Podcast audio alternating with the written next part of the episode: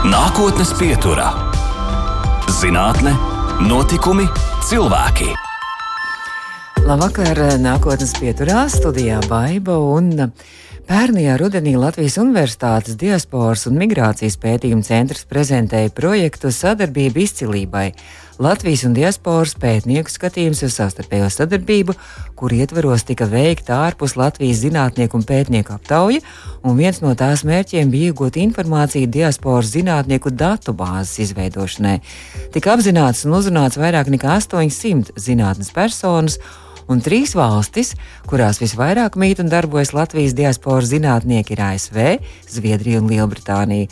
Savukārt populārākās zinātniskās darbības jomas ir dabas un sociālās zinātnes, kurām seko medicīna un veselības zinātnes. Un nākotnes pieturas viesņa pārstāvēta abos šajos top trīniekos. Tā ir klīnisko pētījumu biznesa attīstības vadītāja Lielbritānijas Nacionālajā veselības pētījuma institūtā Dāce Dimze Džonsa un Dāce saka labvakar. Labvakar, Baiba, un liels paldies par uzaicinājumu piedalīties uh, tavā programmā.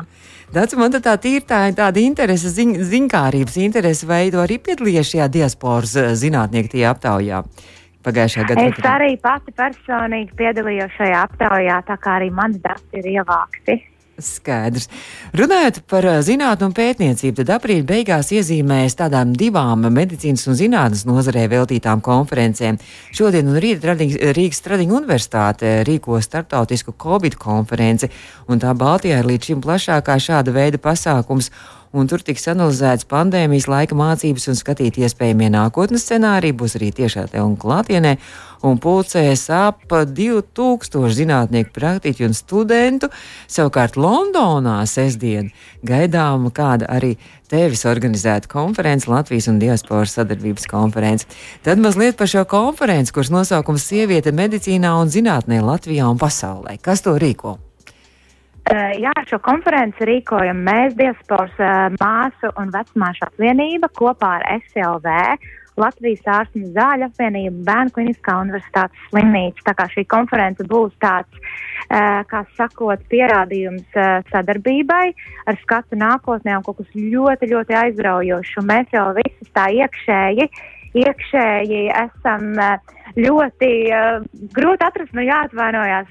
Lietošu daudz um, apzīmējumus angliski, tāpēc, ka pašlaik es dzīvoju Anglis, uh, Lielbritānijā. Mm. Bet mēs esam tādi excited. Es ceru, ka man la, la, Latvijā ļoti, ļoti saviņotas, aizgrābtas. ļoti, ļoti, ļoti saviņotas par šo, šo konferenci.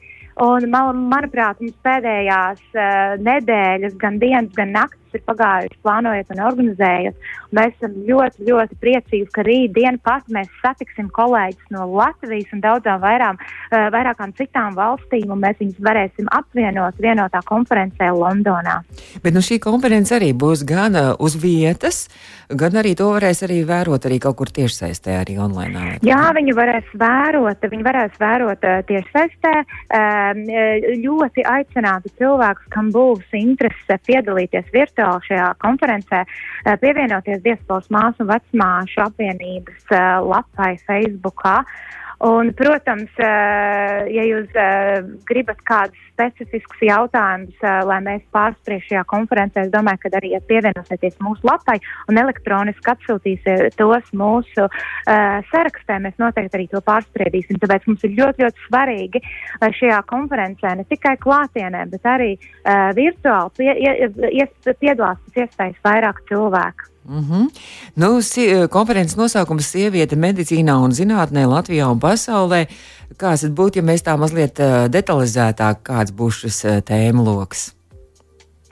Uh, droši vien sākumā jūs vēlētos jautāt, kāpēc tieši sieviete? Uh, Arī jā. Tāpēc, varbūt tā, es sākšu ar to, kāpēc tieši sieviete medicīnā un zinātnē. Eh, tas ir kaut kas ļoti, ļoti interesants, ko mums varbūt cilvēkiem diasporā būtu ko pamācīties no Latvijas, jo tīri statistiski patiesībā Latvija ir starp tām valstīm, kur sievietes ir ļoti pārstāvētas zinātnē un medicīnā. Mm. Savādāk ir Lielbritānijā. Mums šeit iet švakāk, diemžēl.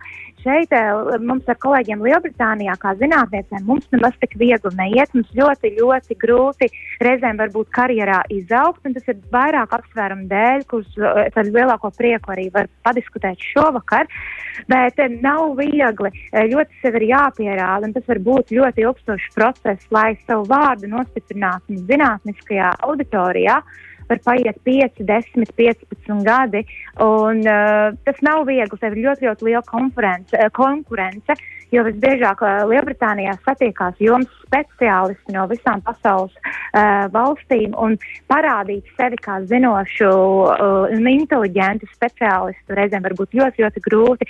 Un sievietei sevišķi bieži vien mums ir jāapvieno rūpes par māju un bērniem. Un um, šeit, Lielbritānijā, mums ir ļoti interesanti, ka uh, bērnu kopšanas atvaļinājums mums ir tikai 12 nedēļas. Tā kā pagūt zinātni, parūpēties par bērniem un ģimeni reizēm tas var būt ļoti, ļoti interesanti, uh, bet tas nav viegli. Un tāpēc ir, tās lietas, ko mēs varbūt varētu pamācīties no Latvijas kolēģiem, kā viņām ir izdevies nostiprināt savu pozīciju zinātnē. -hmm. Un ne tikai Latvijas mērogā, bet arī globālajā mērogā. Bet runājot mazliet tuvāk par pašu konferenci, ko tad mēs īsti diskutēsim?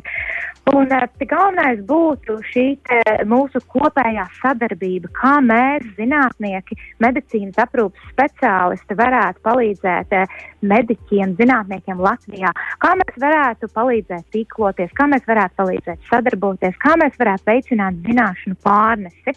Mums būs ļoti Eh, fantastiski runātāji. Eh, mums eh, uzrunu teiks Ivita Būmestra, kas ir Latvijas vēstniece apvienotajā karalistē. Viens no mūsu godu viesiem būs no Pasaules veselības organizācijas. Tā būs māsu vecmās politikas padomniece Eiropas birojā Margrieta Langens. Un tad paralēli šīm diskusijām mums būs arī paralēlas sesijas, kur mēs diskutēsim, kā tad veikt šo zināšanu apmaiņu medicīnā starp Latviju un diasporu. Mēs arī runāsim, kā nostiprināt sieviešu un arī meiteņu lietas zinātnē un pētniecībā, un kā mēs kā diasporas pārstāvi varam tam palīdzēt. Un tad mēs ļoti daudz arī runāsim par inovācijām, kā um, palīdzēt novest šīs inovācijas zinātnē pie pacientiem, kā mūsu pacienti no viņām var iegūt labumu. Un šeit mums būs pārstāvi no industrijas, un mēs šeit centīsimies mācīties, kā um, mazie un nelielie izņē, uzņēmumi ir sasnieguši šīs inovācijas, ieviešuši tās veselības aprūpē, ko mēs no Latvijas, ko mēs to, šo mācību, kā mēs varētu to pārnest Latvijā.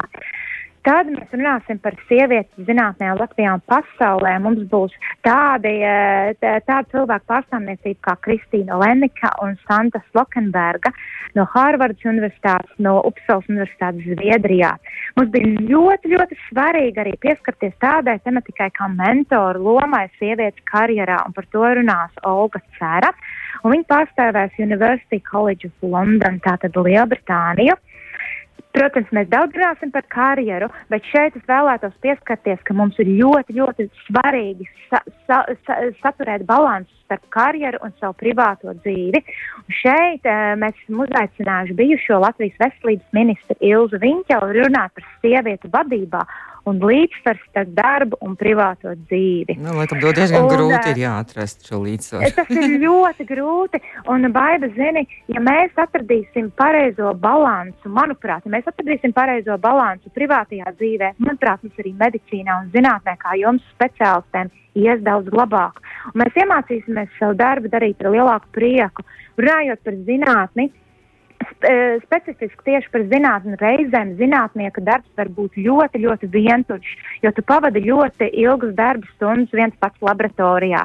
Un kā tu atkal balansēs, lai tu pārāk neaizsēdies laboratorijā, lai tu veicini komunikāciju, lai tu ievēro šo balansu ģimenes dzīvē. Par to ļoti, ļoti būtiski diskutēt, jo, ja tu būsi laimīgs savā privātajā dzīvē, es uh, varu garantēt to, ka arī lielāku pienesumu tu varēsi veikt gan medicīnā, gan zinātnē. Un, kā jau mēs zinām, mēs arī šajā diasporā gribētu tādus politiskus jautājumus, drošības jautājumus uh, pārspriest. Uh, un mēs esam uzaicinājuši aizsardzības ministrijas padomnieku apvienotajā karalistē Vitāliju Rakstiņa kungu uh, runāt par diasporas nozīmi Latvijas drošībā. Mums arī būs labdarības organizācija Giving for Latvija vadītāja.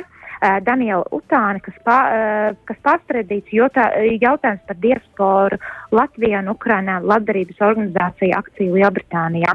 Tā kā jūs varat redzēt, ka programma ir mhm. diezgan, mm. diezgan piesātināta. Kopš no deviņiem rītā tas ir pēc uh, Lielbritānijas laika sākas sestdien, tātad Jā. pēc Latvijas laika, piemēram, no 11. tas varētu būt, ka varētu Jā. arī pieslēgties un arī mēģināt arī, varbūt arī kādu jautājumu uzdot. Līdz pieciem vakarā.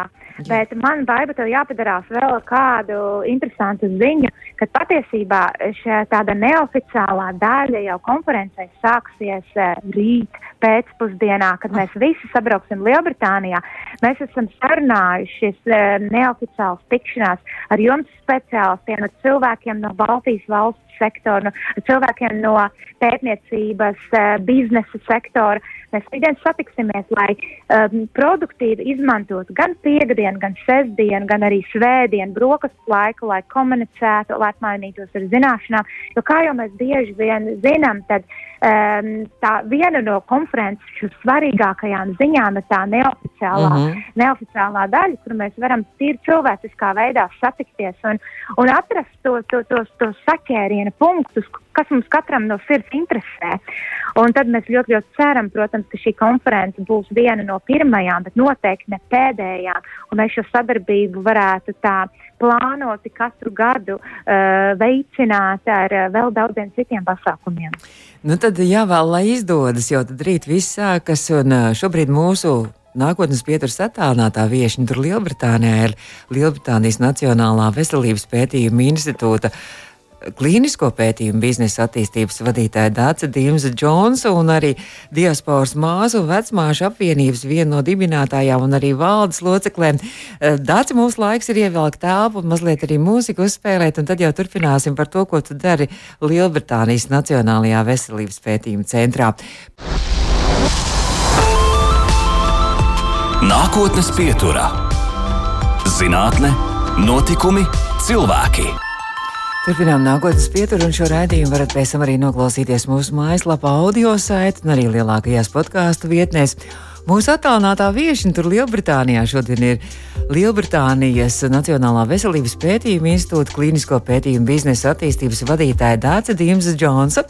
Un Dāca, tad jau droši vien mēs turpinot par to, ko tu pati dari, un vienkārši es tā iepazinos, un es biju, man bija mute vaļā, ka, ka tu esi vienlaikus apmēram koordinējusi apmēram 150 dažādus pētījumus un uzraudzījusi. Tā ir pilnīgi taisnība, baiva. Un viena lieta, ko es varētu pateikt, ja es zinātu pirms 15 gadiem, ka zinātne un pētniecība var būt tik interesanta, es noteikti, noteikti ātrāk ielikt šajā karjeras lauciņā, bet tā ir es strādāju kā klinisko pētījumu speciāliste, un es uh, uzraugu apmēram ap 100-150 pētījumus. Šie pētījumi ir um, dažādās kliniskajās specialitātēs. Tie var būt pētījumi kardioloģijā, tie var būt nieru pētījumi, plaušu pētījumi, gastro pētījumi, uh, tie var būt onkoloģiskie pētījumi. Un es strādāju, varbūt klausītāji būs dzirdējuši, ka kliniskie pētījumi ir dažādas fāzes. Ir pirmā fāze, kas ir ļoti tāda vairāk vērsti uz eksperimentālo pusi, otrās fāzes pētījumi, trešās un tad ceturtās. Un es strādāju un uzraugu pētījumus caur visām fāzēm. Tā kā katra diena manā darbā ir um, mācīšanās jauna izzināšana un absolūti fantastiska. Jo, jo strādājot starp 30 kliniskajām specialitātēm, uh, ir tā, ka dienas beigās liekas, mm -hmm. ka mhm. galva kūp, bet tu uzzini tik ļoti, ļoti daudz lietas. Un pats galvenais, ka, tu, ka bieži vien mums strādājot ar pacientiem, ja mēs specializējamies vai nu kardioloģijā vai, teiksim, ortopēdijā, mēs fokusējamies uz kaut kādu vienu ķermeni, ķermeņa daļu. Bet uh, man ir prieks, ka man, es varu strādāt, es, es varu šo cilvēku saskatīt uh, visā kopumā, jo arī mēs ļoti pieņemsim, darām ļoti, ļoti daudzus pētījumus mentālajā veselībā. Un pat pirms cilvēks ir piedzimis, tātad šie fertilitātes pētījumi, kad, uh, kad cilvēkiem, kam uh, ir grūti sasniegt, pre, uh, grūti sasniegt uh, palikšanas stāvoklī, uh, kad pat tajā, uh, pirms, pirms vēl bērniņš ir piedzimis, pat uh, šajā jomā mēs veicam pētījumus, tā kā ļoti, ļoti interesanti. Tu arī atgriežoties pie tās sestdienas konferences par diasporas zinātnieku un medicīnas darbinieku sadarbību sievieti, galvenais sievieti medicīnā un zinātnē Latvijā un diasporā. Tu arī uzstāsies arī ar tādu referātu, es nezinu, tā būs diskusija, kāpēc inovācijas ir svarīgas pacientu aprūpē tavu tēmu? Jā, jā taisnība. Tāpēc, ka, um, manuprāt, viena no tām lietām, ko uh, kolēģi Baltijas valstīs varētu mācīties no Lielbritānijas, ir šī inovācija ienešana veselības aprūpē.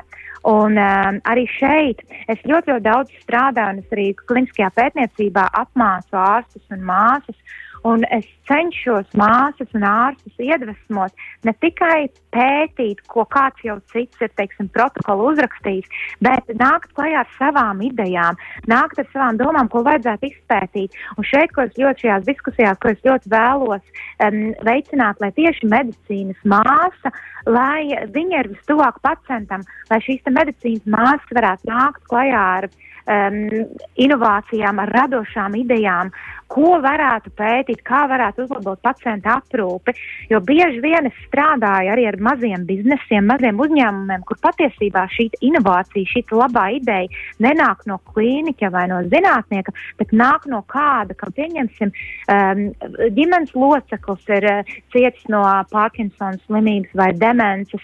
Un šim cilvēkam ir radies, ka vajadzētu veikt šādu, šādu inovāciju, kad, teiksim, uh, kāds lietojot mobilo telefonu, kādu aplikāciju, ar to ir iespējams palīdzēt cilvēkiem ar mentālās veselības problēmām. Mēs ļoti bieži sastopamies ar šādiem inovatoriem, kas patiesībā nav saistīti ar veselības aprūpi. Tāpēc es, man tā galvenā doma, ko es, es gribu iedvesmot cilvēkus, ka patiesībā jebkurš var nākt klajā ar mhm. inovāciju. Mm -hmm. Tā problēma ir tālāk piesaistīt finansējumu, jo mums ir jāpierāda, mums ir jāveic eh, uz pierādījumiem balstīta tā informācija, un mums ir jāskatās, vai šī inovācija patiesībā uh, piedod kādu pievienoto vērtību pacientu aprūpē. Un tās inovācijas un varētu, jā, tas varētu, tās inovācijas arī tiešām uh, nav liekts fantazēt, un pat ir vēlams droši vien fantazēt, un, un tās idejas, lai, Noteikti. lai lido, jo, jo tu man arī stāstīji pirms tam, ka, ka visai interesanti varētu būt arī tāds, ka ka pēc uh, telefoniski var ierakstīt, uh, kā pacients jā. klepo, jā, un, un, un tad tā, Taisnība, tālāk, jā. un, un tad kaut kāds secinājums tālāk izdarīt, jā. Jā, mums bija viens, viens, viens no kompānijām, ar kurām uh, strādāju. Tas bija tieši mēs, vec, mēs neesam sākuši šo pētījumu veikt, bet mums ir plāns sadarboties ar kompāniju. Viņi ieraksta, kā tas ir tieši bērniem, kā, kā izklausās, kad viņi elpo. Un ir speciāls algoritms mobilajā telefonā ieraksta, analizējot skaņas var pateikt, vai šim bērniņam vajadzēs um, astma, astmas uh, medikamentus uh, lietot, uh, vai ir potenciāli astmas lēkme.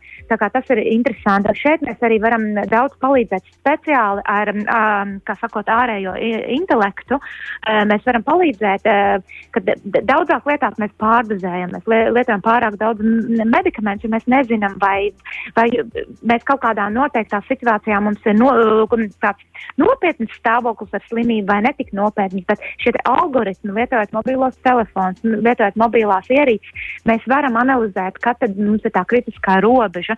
Vēlējos tev varbūt pastāstīt par vienu tādu pēdējo inovāciju strādāju ar kompāniju, kas ir izgudrojusi ļoti interesantu um, tādu aparātu, ar kuru patiesībā bez sāpēm var paņemt asinis bez adatām. Un šis aparātiņš izskatās tā kā maza tāda pistolīte, ko jūs pieliekat klāt sev pie rokas, un bez sāpēm, bez adatām ir iespējams paņemt, uh, paņemt asins. Tā, kā, tā, manuprāt, ir ļoti, ļoti liela inovācija visiem tiem, kam ir bail mm -hmm. uh, nodot asinis. Uh, tad, manuprāt, šis, šis varētu būt tāds uh, ļoti, ļoti interesants pagrieziens. Un mēs strādājam šo kompāniju, un patiesībā um, šīs kompānijas pārstāv būs arī mūsu, mūsu mm, pasākumā sestdien. Un interesanti, ka šī sieviete, Pat Holman, uh, viņa ir māsa pēc izglītības, bet viņa savu karjeru veidojas sadarbojoties ar lielākajiem industrijas pārstāvjiem pasaulē. Ļoti daudz ceļojas un strādājis pie ļoti tādiem lieliem uh, farmācijas un tehnoloģijas uh, kā sakot, brandiem veselības aprūpē.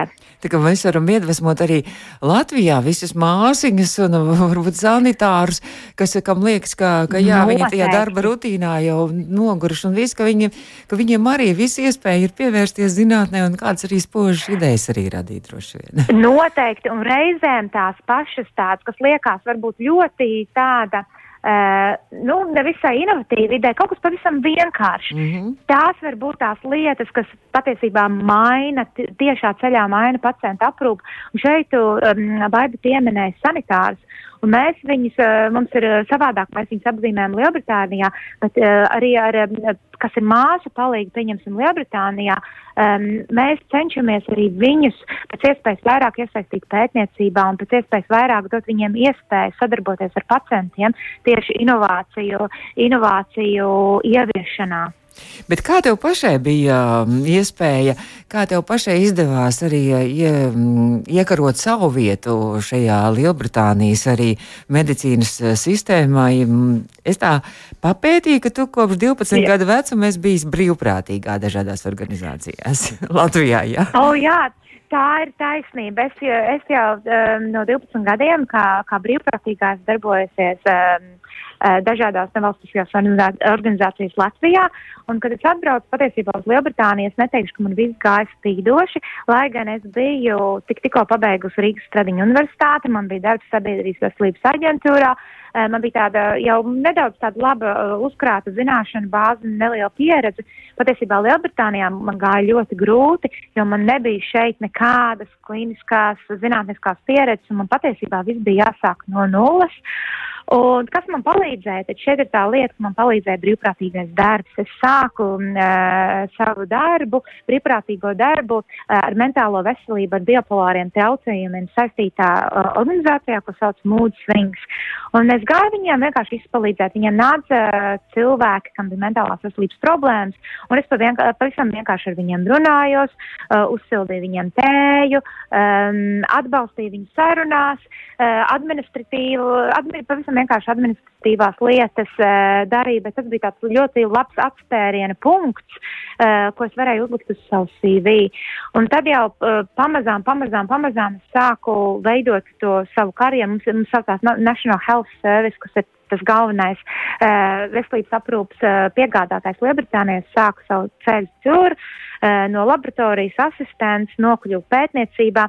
Arī pētniecībā strādājot, es uh, brīvprātīgi gāju uz veco cilvēku nodaļa aprūpēt vecos cilvēkus. Un, um, tad, jo, ļoti, ļoti viegli ir te, teoretizēt cilvēkiem par lietām, kas notiek un kā. Bet, uh, reizēm mums angliski ir uh, tāds teiciens, you have to get your hands dirty, kad patiesībā tas ir tev jāuzroko, ir um, uh, sev uzrokas un patiesībā jā, tās rokas jāpadara netīras un jādara tie melnie darbi, lai bieži vien saprastu, kā sistēma darbojās un kas notiek. Un ja tev ir šī pieredze, uh, visos līmeņos, uh, kā brīvprātīgajam, ja tu sāc savu karjeru patiesībā no nulles, tad bieži vien uh, kolēģi, tavi senior, uh, vecākie kolēģi, tavi darba vadītāji tev ļoti, ļoti novērtē, ka tu no darba nebaidies un ka tu esi izgājis daudzām lietām cauri.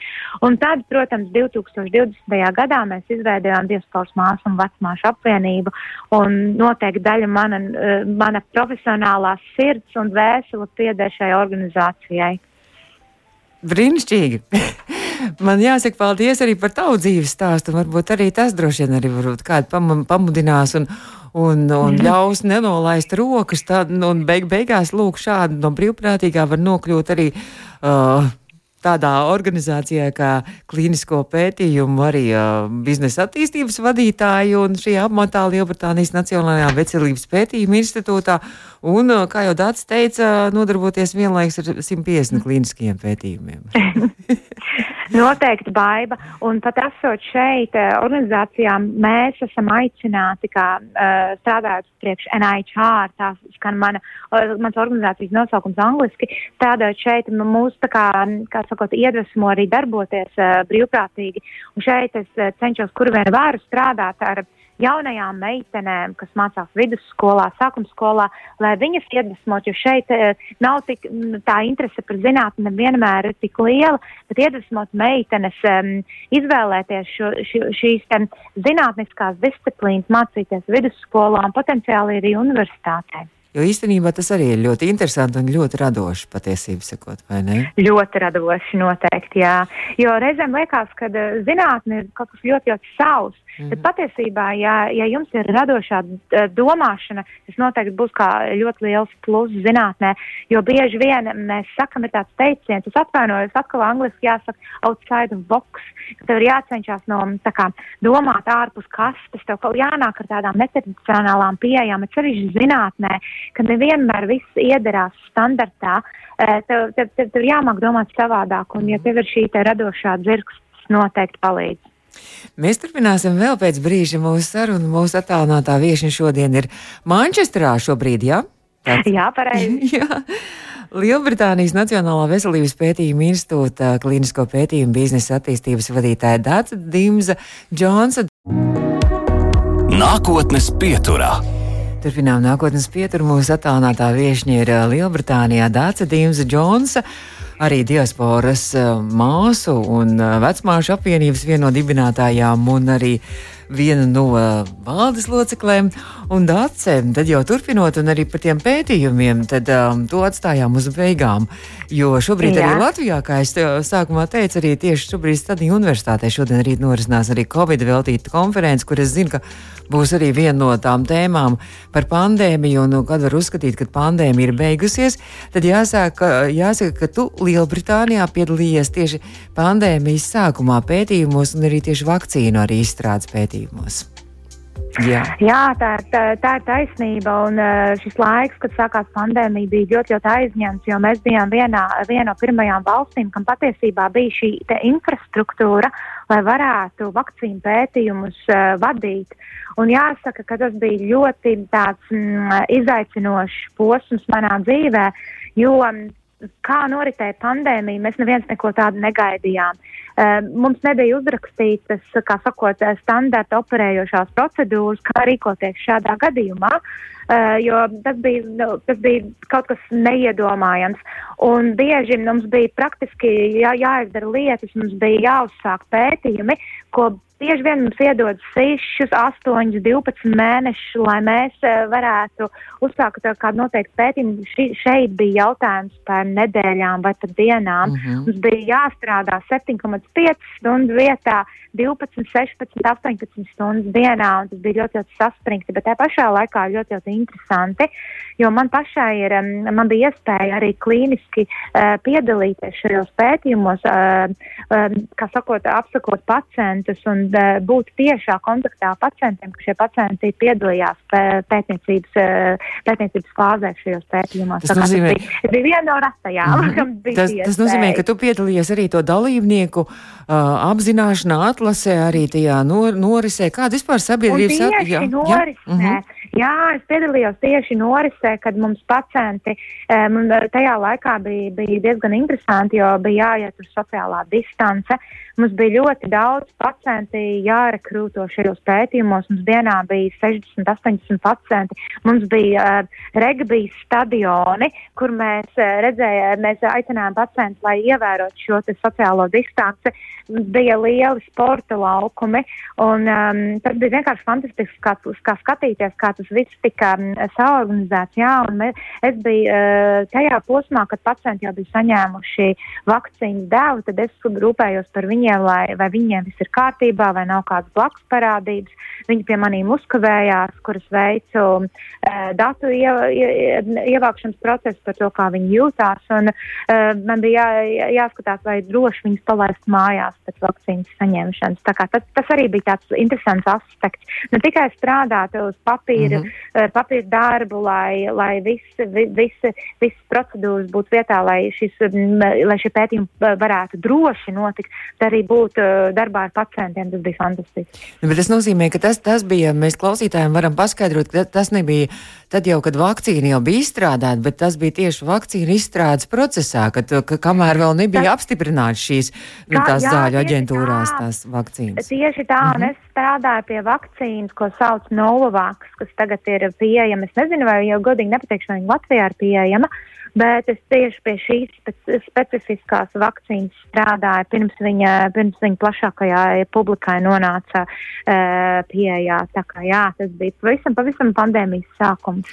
Nu, tad, tad, tad droši vien arī kaut kāds arī tas visai interesanti arī tā atlases, tā atlases notiek droši vien dažādas vecuma grupas un un, un, un, un, un dažādi varbūt arī ir slimību priekšvēsture un tā tālāk. Jā.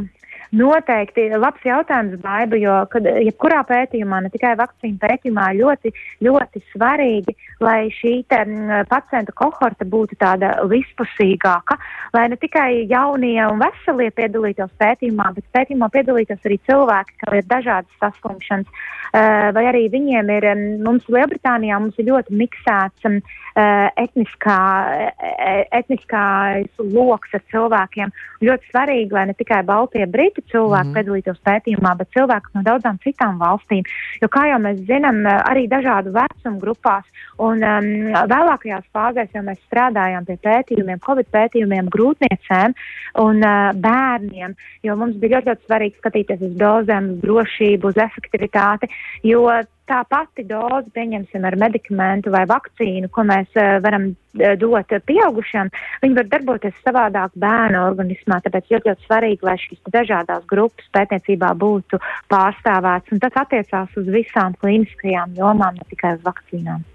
Nu, un, tad šobrīd ir šie, šie vakcīnu, Covid vakcīnu pētījumi ir beigušies, cik es saprotu. Jā, vai no jauna? Joprojām, ah, joprojām Oi, zini, Oh. Protams, turpinās, jā. Protams, tā situācija nav tik kritiska. Mēs viņus saucam mazliet savādāk. Tie ir Covid pētījumi, bet mums viņi bija kā nacionāli svarīgie Covid pētījumi. Tagad mm -hmm. mēs to svarīgumu esam mazliet noņēmuši to vārdu, bet, protams, mums ir Covid pētījumi. Tad kas mums ir ļoti, ļoti jāatcerās, kad ir šis sauktais ilgais Covid. Un mēs pētām, kad, kā cilvēkiem, kas notiek cilvēkiem ar long, angliski sauc long covid, mm -hmm. jo ļoti daudz cilvēku, kas paši ir saslimuši ar covid, varbūt uh, sapratīs, ka uh, izslimoja covid divas nedēļas, trīs nedēļas, seši mēneši, bet es jau joprojām nejūtos labi. Mums ir ļoti, ļoti daudz liela cilvēku grupa, kas 6 mēnešus, 12 mēnešus, 18 mēnešus pēc covid izslimošanas nejūtās labi. Un viens no iemesliem, patiesībā man bija diskusijas ar vienu no profesoru no Manchesteras um, universitātes, un uh, viņš patiesībā arī man noskanēja acis, un kas notiek, kad uh, cilvēkiem bija covid, viņš ietekmē um, smalkos asinsvadus, un šeit um, uh, viens no pētījumiem, ko mēs atbalstam, tieši ir ar optimoloģiju kur ir acu skaneri, mēs varam ieskatīties pavisam, pavisam mazajos asinsvedos un paskatīties, vai viņi ir bojāti Covid rezultātā. Tā kā mēs e, šeit varam uh, veicināt sadarbību ne tikai infekciju uh, slimību speciālistiem, mm. bet arī ar optimologiem, ar respiratorās, uh, respiratorās uh, disciplīnas pārstāvjiem, tā kā kardioloģija noteikti. Tā kā tas ir kaut kas tāds ļoti, ļoti, ļoti visaptverošs. Manuprāt, mēs vēl Covid ļoti, ļoti ilgi pētīsim. Ai, cik skumji, bet uh, beigsim uz tās jaukās nots. Tātad, uh, jā, Dāce, Dāce Dīmza Džonsa, Lielbritānijā šobrīd mūsu attālinātā viešņa, un tad Dāc man jāsaka, nu tad pošamies visi vai no attālināti skatīties, vai tad, uh, lai visiem jums tur mediķiem un zinātniekiem skaista satikšanās rīt un parīt Lielbritānijā, un pāriem var sekot līdz tiešsaistējam. Un noteikti es uh, gribētu vēl atgādināt par apvienību Dievsports māsu un vecmāšu apvienību. Ja jums ir pazīstams māsas, vecmāts Latvijā, Amerikā, Anglijā, aiciniet pievienoties mūsu mājaslapai uh, Facebookā, jo mēs, mēs, mēs vēlamies veidot šo sadarbību gan ar jums speciālistiem, gan vienam ar otru. Mēs vēlamies palīdzēt, attīstīt un stiprināt mūsu saikni. Paldies, Dāce! Lielas paldies par uzaicinājumu piedalīties programmā! Izskan nākotnes pieturā.